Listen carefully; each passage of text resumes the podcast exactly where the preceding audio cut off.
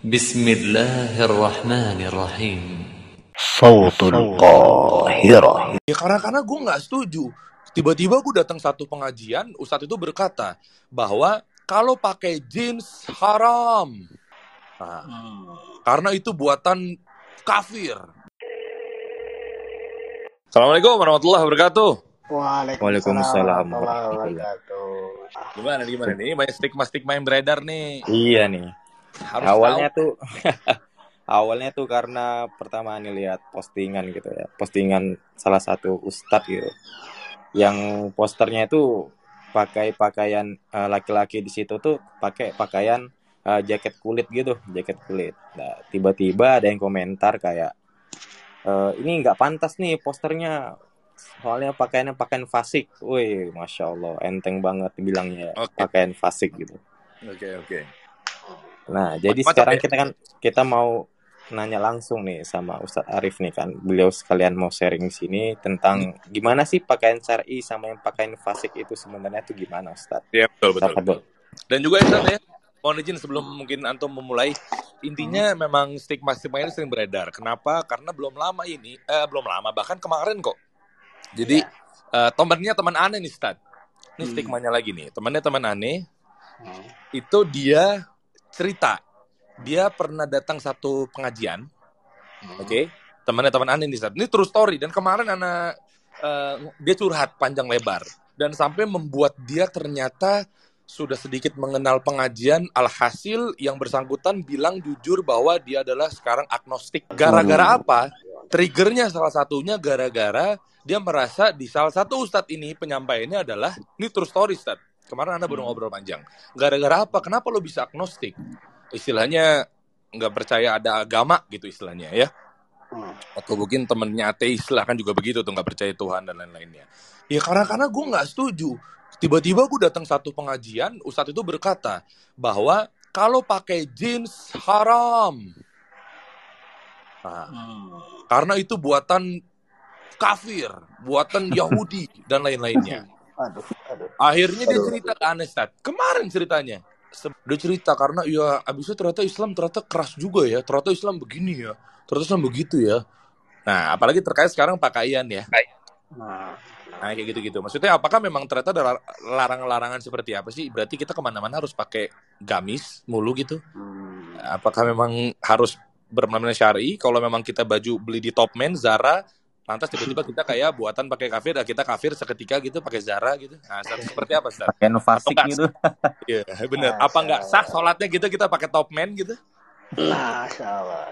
Apakah Ya, kita kenapa? sedekahnya nggak keterima kalau kita pakai H&M gitu? Aduh, luar biasa. Yang anda sebutin tuh produk kufar semua tuh. Ah, ah, jadi yang sunnah cuma sama saya gitu Bang Der. Oke. Because it's Aduh, different.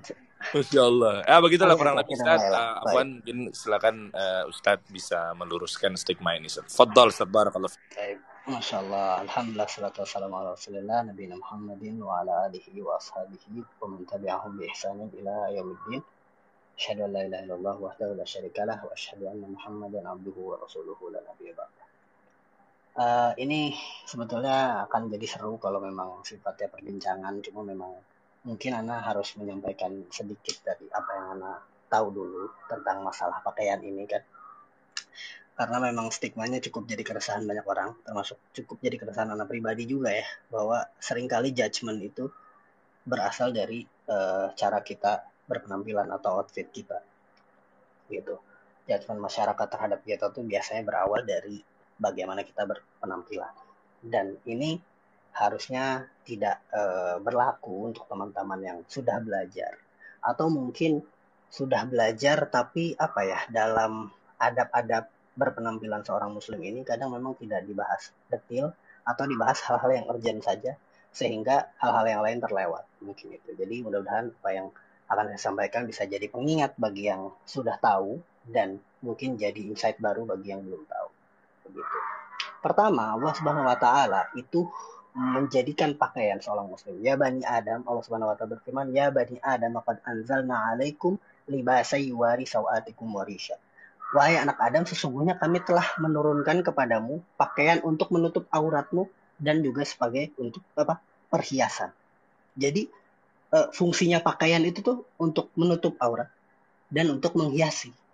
Itu eh, esensi pertama adanya pakaian yang kita pakai. Makanya eh, dianjurkan untuk seorang muslim juga dia memperindah penampilannya dengan adanya pakaian gitu.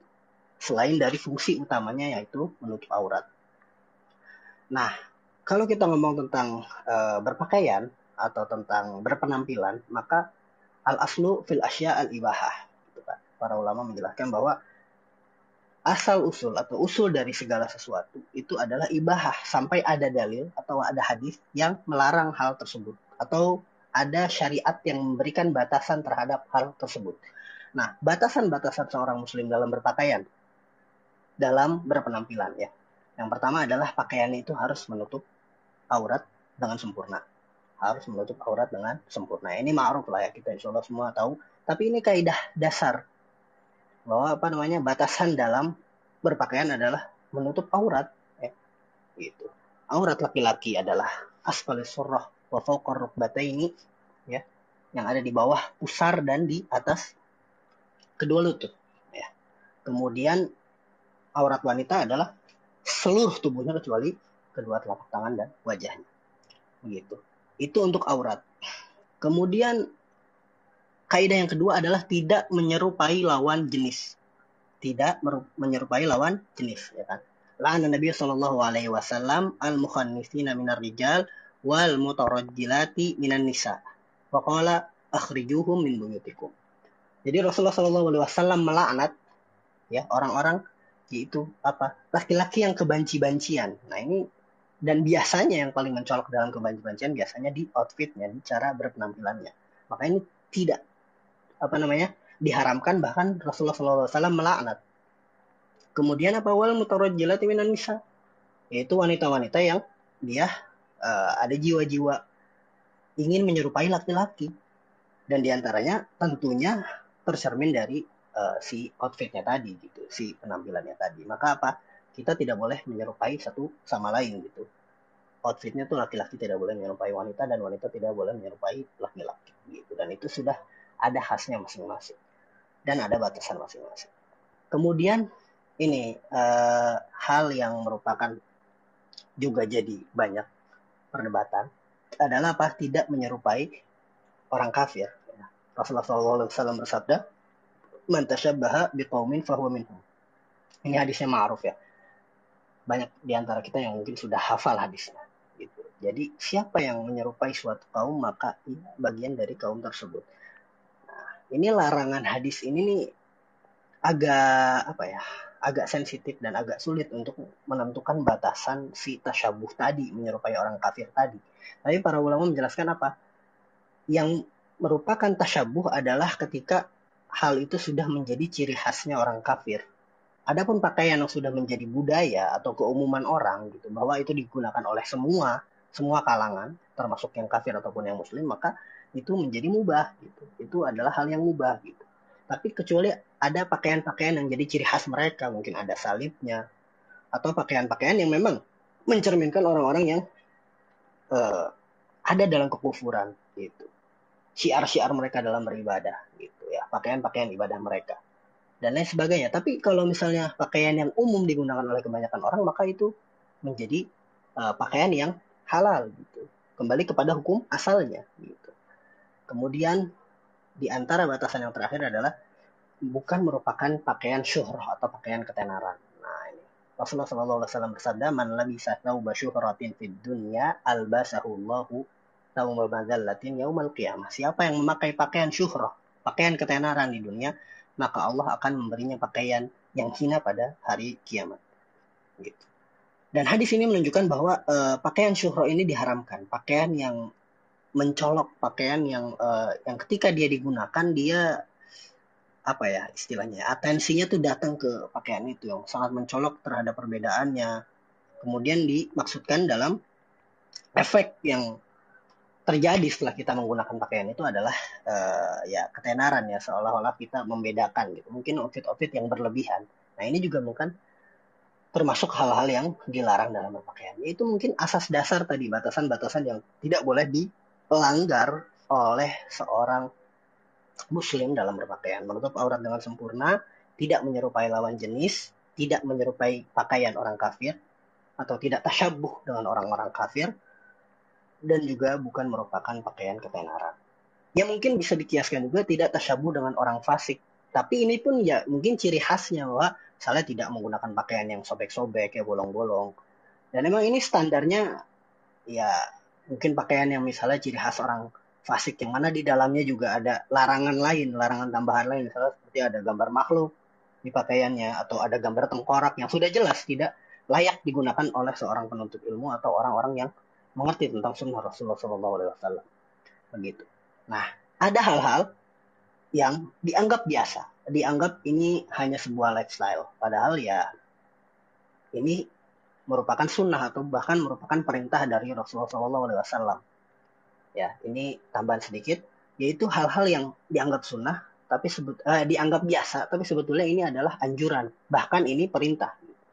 Itu hukumnya wajib. Di antaranya apa? Tidak isbal bagi laki-laki. Rasulullah SAW memperingatkan tentang hal ini. Ma'as fala minal ka'baini minal izari fafinnar. Ya kan, kain yang panjangnya di bawah mata kaki, yang melewati mata, mata kaki maka tempatnya di neraka. Hadis riwayat Bukhari. Dan juga Rasulullah Shallallahu Alaihi Wasallam bersabda, "La yanzurullahu yaumal qiyamati ila man jarra izarahu fatara." Ya. Pada hari kiamat Allah tidak akan memandang orang-orang yang apa menjulurkan kainnya karena kesombongan. Nah ini walaupun ada ilah sombong dan mungkin banyak uh, ustadz yang sudah menjelaskan tentang ada syubhat-syubhat juga yang mengatakan bahwa oh Abu Bakar uh, boleh menjulurkan tapi dia tidak sombong maka tentu kita sebagai seorang muslim ambil kehati-hatiannya ketika ada larangan maka kita ambil kehati-hatiannya kita ambil bahwa ya ini hal yang hati-hati bahwa kita nggak bisa berhujah kita menjulurkan pakaian dan kita bilang wah oh, enggak saya nggak sombong gitu. bahkan kan kesombongan itu kan adalah menolak kebenaran dan meremehkan manusia. Maka kebenaran yang Rasulullah Wasallam perintahkan kepada kita, di antaranya perintah untuk tidak menjulurkan kain. Nah, kita tolak, maka itu juga bagian dari kesombongan. Maka kita harus berhati-hati dari hal tersebut. Kemudian, hal yang dianggap biasa saja, dianggap sebuah lifestyle, dianggap sebuah adat. Padahal ini merupakan perintah dari Rasulullah SAW adalah memelihara jenggot bagi laki-laki dan memangkas kumis gitu. Ini sudah banyak, uh, mungkin nanti ada penjelasan-penjelasan yang lebih luas dari asatid yang lain, yang lebih paham tentang dalil dibanding saya. Tapi mungkin sedikit uh, saya nukilkan hadis. Khalifu al musyrikina wa akhfu syawarib wa aufu al liha ya selisihilah orang musyrik. Kemudian potonglah kumis dan sempurnakanlah jenggot atau biarkanlah jenggot hingga tumbuh. Ini di antara ilahnya, di antara uh, perintah yang ada dalam hadis ini adalah yaitu perintah untuk membiarkan si jenggot itu tumbuh. Dan untuk memotong kumis. Dan dalam apa? Agar apa? Agar kita uh, menyelisihi orang-orang musyrik. Maka ini juga merupakan hal yang sering kali orang menganggapnya ini hanya sebuah gaya hidup atau sebuah style, tapi ini ada tuntunannya dari Rasulullah, bahkan ini sebuah uh, perintah dan di dalam juga terkandung larangan untuk memotong jenggot, kemudian perintah untuk uh, memangkas kumis dan di dalamnya juga bertujuan untuk uh, membedakan kita dengan orang-orang musyrik. Kemudian ada syubhat, gimana kalau orang musyrik juga udah manjangin jenggotnya? Enggak, enggak berubah gitu.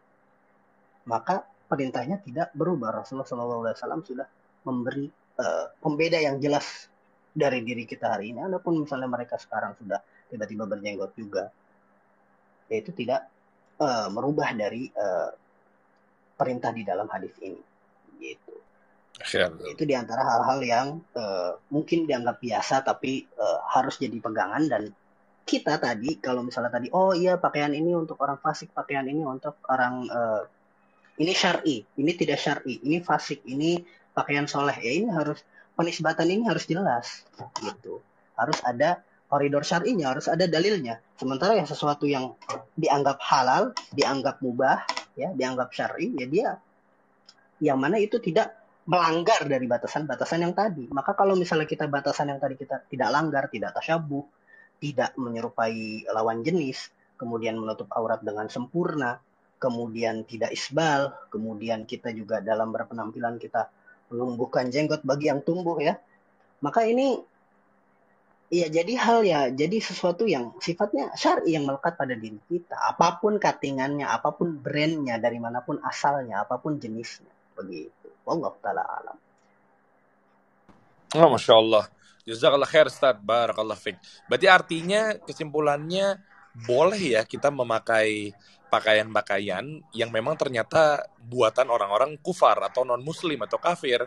Kayak misalnya sudah terpatahkan stigmanya ya. Artinya sholat pakai H&M. Sah nggak sih? Sah berarti Ustaz ya? Iya, H&M kan ngeluarin Kemko juga Bang Dir. Yoi, betul Ustaz. Zara dan lain-lainnya. Nah itu kan soal banyak yang tadi seperti Ana bilang ya.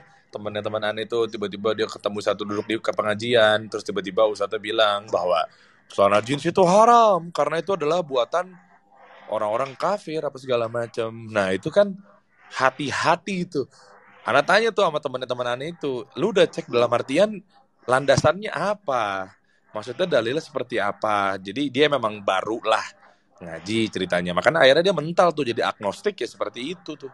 Karena melihat kok Islam kok begini amat ya, keras amat ya gitu ya.